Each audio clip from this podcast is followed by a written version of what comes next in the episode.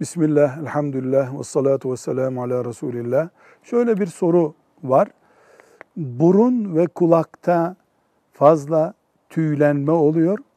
Yakarak bunları aldığımızda daha geç çıkıyor en azından. Burun ve kulaktaki fazla tüyleri yakarak alabilir miyiz? Bir kere burun ve kulak normalde tüy biten yer değildir. Dolayısıyla orada tüy bitmesi yaşlılıktan veya başka bir hormonal nedenle arızadır. Arızayı gidermek her halükarda caizdir. Oradaki tüyler alınabilir, dinen bir sakıncası olmaz. Ama hangi yöntemle alınması caizdir sorulduğunda buna cildiye doktorunun cevap vermesi gerekir. Bu da şu demektir.